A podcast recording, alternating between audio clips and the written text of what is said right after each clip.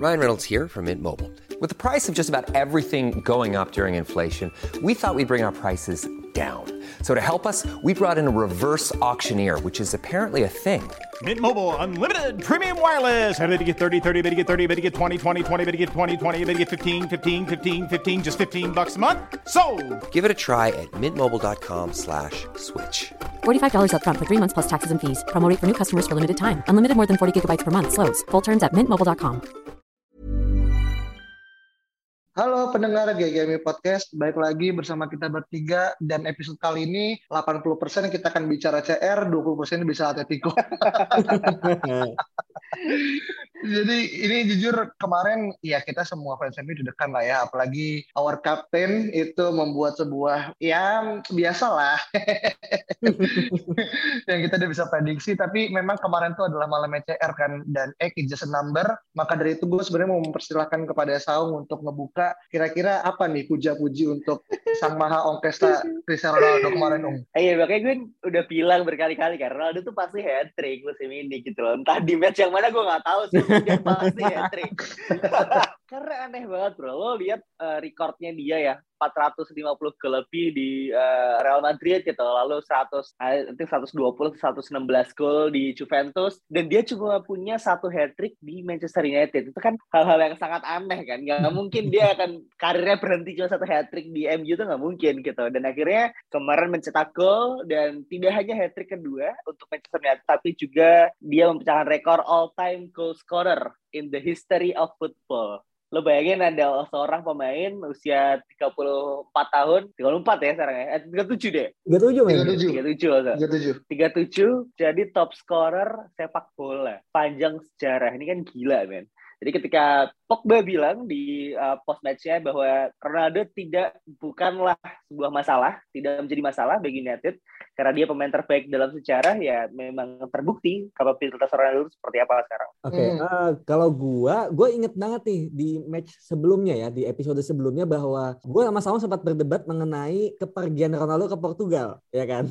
Yang mana gua sempat mention bahwa kok Ronaldo nggak profesional nih. Iya, yeah, iya, iya. Di pertandingan melawan Manchester City, dia malah meninggalkan timnya gitu. Nah, Saung bilang bahwa mungkin Ronaldo butuh kayak healing. fresh air, ya healing gitu, ke kampung halaman gitu. Betul. Mungkin ketemu Betul. keluarganya, minta restu ke Betul. ibunya kan gitu. Dan ternyata kemarin si Rangnick juga kasih jokes gitu. Mungkin sebelum kita bermain kita harus Iya kan? ke Portugal tiga hari dulu. Abis itu nanti dia balik lagi terus baru main lagi gitu. Ini Portugal udah kayak Bali berarti ya?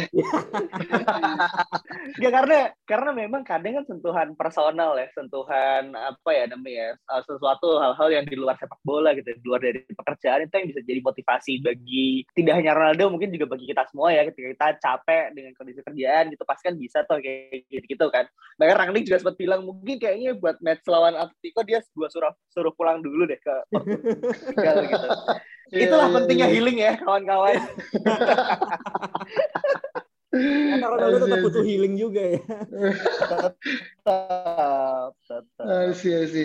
Dan kalau ini ya, kalau kemarin tuh jujur, kalau kemarin lu lihat tendangan pertamanya dia nyetak gol ke arah uh, gawang Tottenham tuh mengingatkan gue pada memori dia mencetak gol yang sama ketika uh, ke gawang Porto dari ancang-ancangnya ya gitu ya. Kayak dia melakukan meskipun jauhan di Porto secara jarak, tapi menurut gue cara dia menendang tuh agak sama gitu kan. Bolanya sebenarnya Loris tuh bisa menepis, cuman memang karena tendangan terlalu kencang dan juga kayak fingertip yang nggak terlalu panjang gitu kan. Makanya bola masuk gitu. Tapi other than kira-kira apa sih yang sebenarnya lu lihat dari keberhasilan Ronaldo mencetak 59 hat-trick ya total di sejarah eh, karir dia dan juga dua hat-trick buat MU gitu. Kan apakah ini semacam kayak apa ya ada ada orang bilang kayak ini tuh semacam kayak Ronaldo tuh punya cycle. Dia golin terus nggak golin berapa lama golin lagi fans kemudian senang dan itu terus kemudian akhirnya jadi cycle gitu kan tapi apakah dong lihat memang pada momen tertentu memang kita butuh Ronaldo sebagai sebuah juru gedor Vin Kalau misalnya semalam ya, gue akui semalam itu adalah permainan terbaik Ronaldo sejak bergabung ke MU menurut gue ya. Kenapa? Karena biasanya Ronaldo itu kalau di MU cuma jadi goal scorer yang um, in overall permainan itu nggak terlalu bagus, tapi somehow dia bisa cetak gol. Contohnya lawan Villarreal, lawan Atalanta,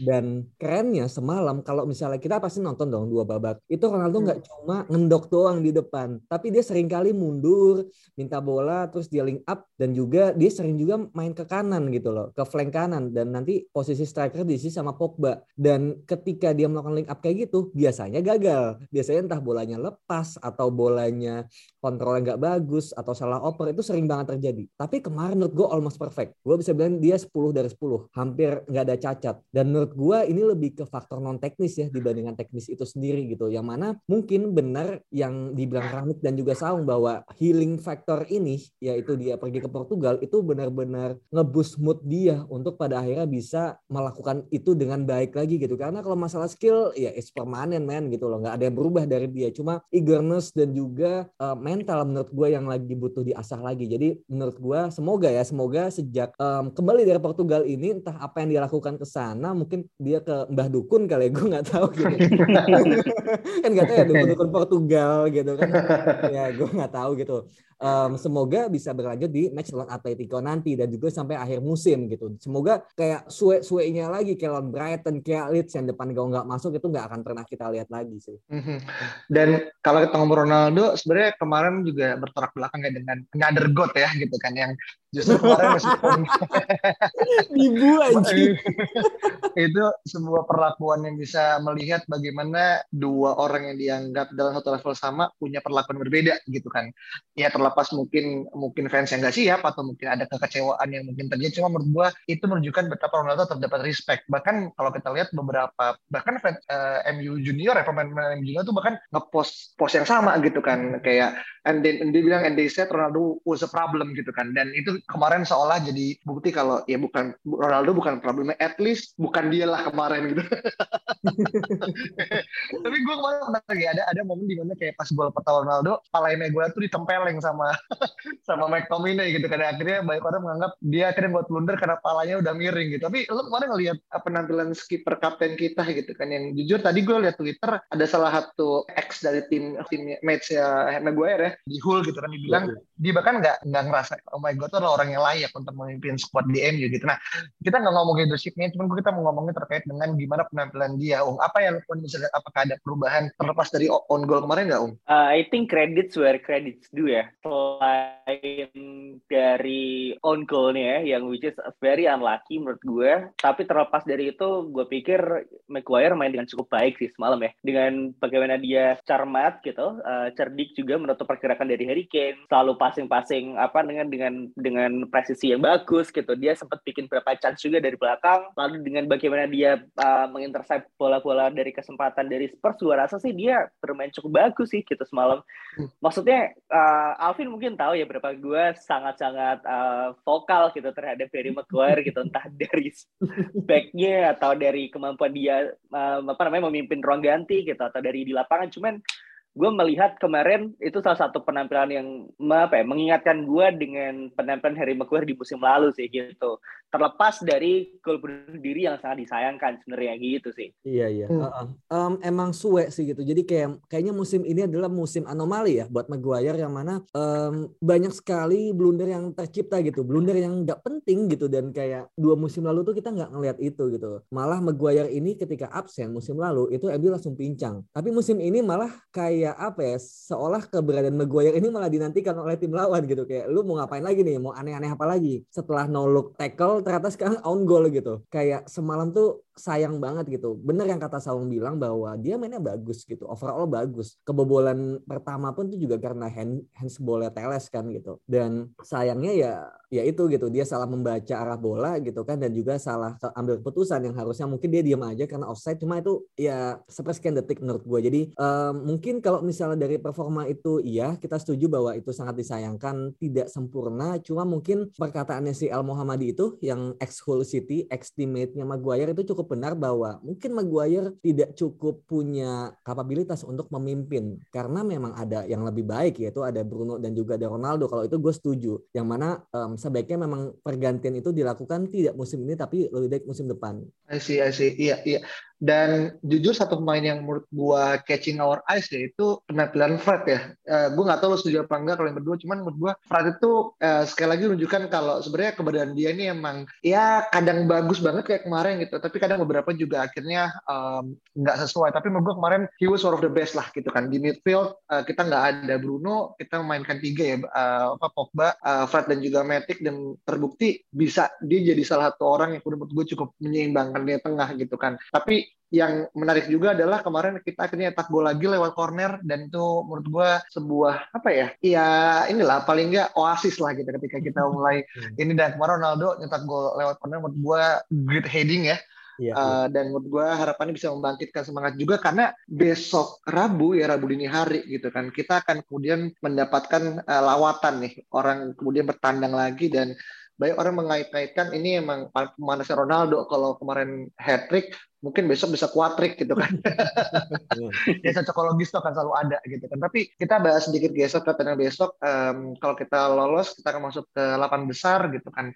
Dan ngelihat chance yang kemudian kita lihat dari performance, apa yang kemudian bisa harapin dari pertandingan besok lawan Atletico? Uh, Menarik sih, karena uh, Alvin mungkin sempat beberapa kali bilang kalau Bruno itu kayaknya better di drop aja ya gitu ya ketika di game gitu ya. Uh, dan harapannya terkabul uh, semalam karena Bruno Fernandes sudah main dan nyatanya penampilan di midfield semalam gitu ya dari kombinasi antara Pogba dan juga Fred dan juga Matic itu mungkin salah satu yang terbaik sih gitu yang gue lihat kemarin di musim ini gitu. Fred bermain dengan cukup gemilang, sangat gemilang bahkan kalau misalkan Ronaldo tidak hat trick, gue yakin Fred akan jadi uh, man of the match ya gitu. Dan gue apa ya, gue pengen lihat kombinasi ini itu nanti dimainkan lagi oleh Rangnick sih waktu lawan Atletico Madrid gitu loh. Mungkin memang uh, tidak apa ya, tidak berjalan selama selama 90 menit gitu karena Matic juga udah tidak punya uh, kemampuan untuk bermain sepanjang itu gitu dan juga paling catatannya adalah gimana caranya Pogba itu nggak nggak terlalu sering buang-buang bola aja sih gitu. Karena terkadang terkadang kita tuh sering berada di posisi yang apa ya yang sangat bangke gitu loh. Dan itu tuh dimulai dari Pogba kehilangan bola di tengah. Dan dia tidak punya cukup pace untuk kejar bola itu lagi gitu. Dan ini yang sering sering bikin kaget gitu kan. Dan apa ya itu itu itu satu gitu ya. Dan kedua mungkin di sisi pertahanan kita uh, Varane udah juga udah mulai main. Dia sudah mulai kembali performa terbaiknya. Gue rasa uh, Teles dan Dalot gue rasa masih tetap layak untuk main lagi lawan Atletico. Dan De Gea sih De Gea harus harus harus bermain dengan sangat-sangat percaya diri sih men. Dia kok ada beberapa kali kesempatan semalam yang Son itu uh, sempat kalau dapat bola tuh pasti gol sih. Cuman dia kayak kenapa diem aja di gawang gitu anjing. Kenapa gak lo ya kan kenapa nggak lo lompat ke atau save atau apa gitu. Walaupun offset juga sih cuman kan kita kan gemes ya yang nonton ya. Kenapa dia tidak bisa untuk untuk keluar dari zonanya gitu? Jadi ini yang ini yang ini yang jadi catatan sih. Dan juga Rashford kali ya. Gue rasa Elanga masih akan tetap jadi starter karena Rashford kemarin gue rasa jadi salah satu pemain yang underperforming sih dari di antara pemain yang uh, starting kemarin. Hmm. Iya, iya. iya, um, iya. Kalau gua ngelihatnya buat pertandingan besok melihat tadi ya ada press conference Rangnick bahwa Bruno, Shaw dan Scott juga udah mulai pulih dan sudah mulai latihan kecuali Shaw ya yang agak di doubt. Ada bukan. Iya. Um, menurut gua mungkin ada sedikit pergantian ya terutama di lini tengah yaitu Bruno Fernandes. Kayaknya kalau Bruno lagi fit tapi gak dimainkan tuh agak aneh gitu. Maksudnya agak aneh dalam arti kayak agak nggak mungkin untuk dilakukan. Jadi menurut gua kayaknya Bruno bakal tetap bermain dan kayaknya emang Pogba yang bakal di drop gitu. Karena kalau misalnya kita menggunakan dua sekaligus ya, Bruno dan Pogba ya udah jelas lah kita bakal dihabisin di tengah kan. Dan memang sangat dibutuhkan seorang Fred dan again gue pengen Matic duluan yang main karena menurut gue penting banget buat mencetak gol pertama untuk mental gitu kan. Untuk menghancurkan mental mereka dan juga membangkitkan mental kita sendiri. Nah setelah menit 50-an, 60-an, Matic sudah mulai capek kan. Nah di situlah Scott McTominay masuk. Dihajar-hajar lah itu Atletico kan di situ. Itu menurut gue. Jadi semoga kita bisa cetak gol terlebih dahulu melalui um, kayak passing-passing ciamiknya Matic dari belakang yang mana kemarin di Spurs juga dia kasih long ball juga kan ke Sancho yang bisa assist juga ke Ronaldo gitu. Dan itu mungkin satu hal yang harus dipelajari juga oleh Scott McTominay kayak gitu. Dan sisanya sih menurut gue sama kayak mis kayak Saung gitu yang mana gue juga nggak mauan bisa kayak main ya. Terlepas Tuhan bisa kayak emang defense-nya bagus tapi other than that ya value-nya nggak ada lagi gitu selain tackle doang gitu Um, selain itu mungkin kalau Elanga dan Rashford menurut gue tetap better Rashford dulu gitu. Karena kita nggak pernah tahu apa yang terjadi di babak kedua. Kalau misalnya ternyata kita butuh sebuah apa ya uh, pembaharuan, menurut gue Elanga adalah orang cocok dibandingkan Rashford gitu. Jadi uh, gue cuma dua itu aja paling yang berbeda, tapi sisanya menurut gue sama aja. Oke. Okay.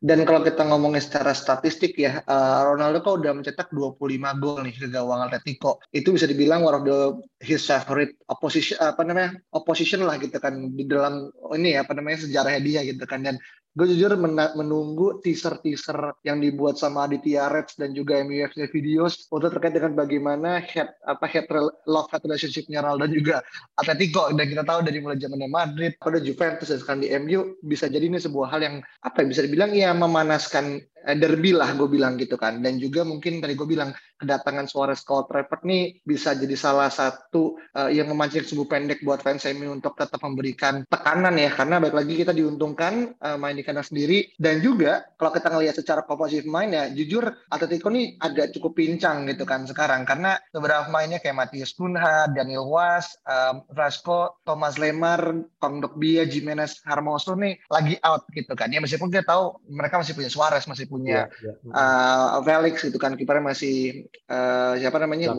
uh, Oblak gitu kan. Ya mereka still uh, apa namanya performing dan kemarin dia menang 2-1 ya lawan tim di Liga Spanyol gue lupa namanya apa. Nah, kalau secara chance gue mau nanya ke Alvin sebenarnya lu ngelihat chance kita untuk bisa lolos tuh setelah pertandingan Tottenham itu apakah ada perubahan nggak sebelum kita lawan Tottenham Vin? Atau lu ngeliat ini ada sebuah hal yang akhirnya bisa kita lihat sebagai titik flexing untuk MU kemudian bisa bangkit dari ke atas? Kalau dari segi permainan sebenarnya masih sama sih gitu. Maksudnya masih sama dengan sebelum Tottenham gitu. Karena ya again let's it's Tottenham gitu. Jadi gue nggak mau pertandingan lawan Tottenham ini menjadi sebuah uh, patokan gitu loh. Karena it just Tottenham gitu. Kadang-kadang di zaman Ole pun kita lagi jelek pas lawan Tottenham kita bisa menang di Gano gitu. Jadi gue gue again gue nggak mau tertipu gitu kan dengan uh, kemenangan lawan Tottenham ini meskipun ya bagus gitu kan. Cuma emang harus diakui banyak hal-hal yang terjadi juga dari Tottenhamnya. Kayak ya contoh gol pertamanya Ronaldo gitu. Itu Eric Dyer diam aja main gitu loh. Dia sama sekali nggak nutup ruang. Dan juga kita lihat Son Heung-min juga sering banget kepleset jadi banyak hal-hal non teknis yang terjadi yang membuat semuanya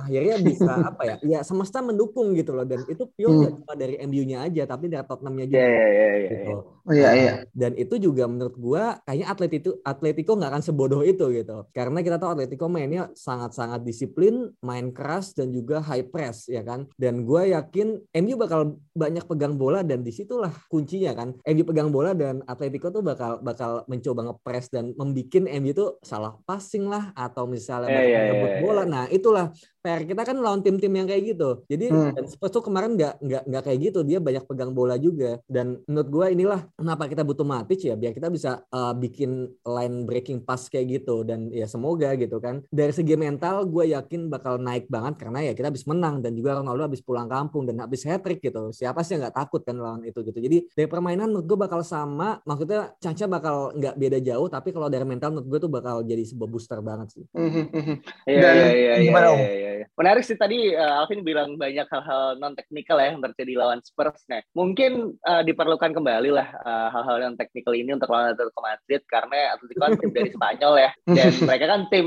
bisa dibilang tim yang tropis gitu ya, sering bermain di cuaca musim panas gitu. Lo tahu sendiri Manchester berapa kali lah dia dapat sinar matahari kan, jadi kayak sering hujan gitu. Ya. Jadi siapa tahu nanti uh, dari hari ini sampai besok hujan mulu, jadi pemainnya agak mulai masuk angin ya, dan itu agak agak nggak enak badan jadi kan ini cukup cukup menjadi apa ya hal non teknikal yang bisa dipertimbangkan gitu ya untuk hmm. uh, nanti panggilan Dewan Kota Manchester lah untuk cuacanya gitu. Nah, cuman tolong ya. eh, cuman uh, bagi fans uh, kita sendiri uh, tentu harus punya keyakinan ya uh, kita imbang satu-satu lawan Atletico Madrid juara La Liga musim lalu di Wanda Metropolitano. Dan gue rasa tidak ada alasan lah untuk kita untuk tidak optimis ya karena uh, bapak kita sendiri oleh Gunnar Solskjaer bilang mountain are there to be climb kan. Jadi kayak Don't they? Yeah. Masa PSG bisa jadi kok nggak bisa gitu dong. I see, I see. Oke. Okay. Dan sebenarnya apa yang saya katakan ini senada dengan apa yang disampaikan Paul Pogba ya. Dia sempat membuat statement kalau ya intinya adalah ya this is Manchester United and we are playing at home gitu kan. Dan ini nggak ada hal yang kemudian ngebuat kita tuh nggak bisa melakukan hal-hal naifis gitu kan. Dan tapi, kita tahu tadi apa gimana Rin? Iya, tapi ya again ya Atletico is Atletico gitu. Dia kayak 10 tahun terakhir lebih sering masuk final daripada kita gitu. Jadi bisnis Manchester United itu kayak ya emang MU nggak masuk final gitu. Jadi kayak dengan statement itu seolah ya kita kita harus waspada men gitu. Hmm, iya iya iya pasti ya maksudnya ini kan lebih kepada gue ngeliat itu signal Pogba tuh pengen memberikan kayak eh, cyber kali ya karena kan udah lama juga nih kita nggak nggak punya enggak sih kita nggak nggak memiliki sebuah tensi untuk kemudian kita tuh ya quote unquote bermain api lah dengan pihak lawan. Bahkan pas kemarin kita lawan City pun gue nggak ngeliat ada sebuah perkataan yang kontroversial lah dari dua belah pihak gitu kan. Jadi menurut gue kayak mumpung besok momennya dapet ada pemain dari dua belah tim yang kemudian saling memiliki sejarah gitu kan. Dan ini adalah sudden death gitu kan. Dan tentu ya kita nggak mau berakhir imbang terus kemudian kita kalah penalti dan juga kemudian salah satu di antara pemain kita jadi scapegoat gitu. Ini suatu hal yang jujur gue hindari kalaupun kalaupun ya kalau kalah lebih baik nggak kalah di penalti karena menurut gue tuh cukup menyakitkan Sweet ya. cukup, iya, cukup menyakitkan banget dan sejarah buat kayak Rashford lah buat siapa uh, Jadon Sancho gitu kalau lagi Elanga ini menurut gue kalau mereka mungkin akan jadi penalti taker lagi bebannya di mereka sangat tinggi gitu. Nah, gue nggak mau aja sih. Dan juga De Gea juga gitu kan. Ya kalaupun semoga menang, kalau kalah pun jangan sampai ya ke bawah penalti kayak gitu sih. Nah mungkin terakhir kali ya sebagai penutup gitu. Um, karena kemarin habis menang, jadi gue cukup berani mengatakan ini meskipun gue kalaupun nanti ada suatu hal, gue mohon maaf juga sebelumnya gitu kan. Gue menaik ke Sau nih. Karena kemarin habis gacoannya mencetak hat trick. Kira-kira besok Ronaldo bisa berapa gol nih, Ung? gue gak ada skor ya, gue berapa nyetak gol gitu. at, at least brace lah bro, dua gol at least.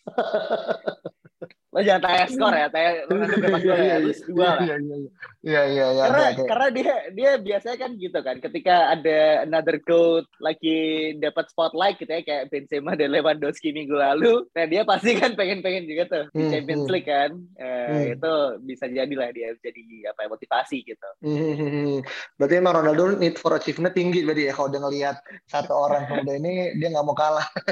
Iya dia mau naikin eh, engagement rate-nya kan. Persiapan pensiun. Oh iya, kemarin baru aja dia dari ini kan jadi apa dutanya salah satu e-commerce di India kan nggak salah kan kalau kemarin di gue lihat tuh di Instagram dia. Warnanya oranye, gue kira Shopee anjir. Oke oke. Dari Alvin mungkin ada catatan terakhir terkait dengan bagaimana mungkin dari sikap sebu- seorang fans kali ya menanggapi besok pertandingan. Karena jujur ini kan eh, apa namanya hidup mati. Kalau kita kalah ya udah there's no other cups that we can apa target gitu kan. Meskipun juga gue nggak yakin ini bakalan menang Liga Champions tapi paling enggak kita tuh kan sedang membangun sebuah harapan gitu kan. Eh, harapan itu bener apa enggak itu urusan kedua tapi berjuang dulu gitu.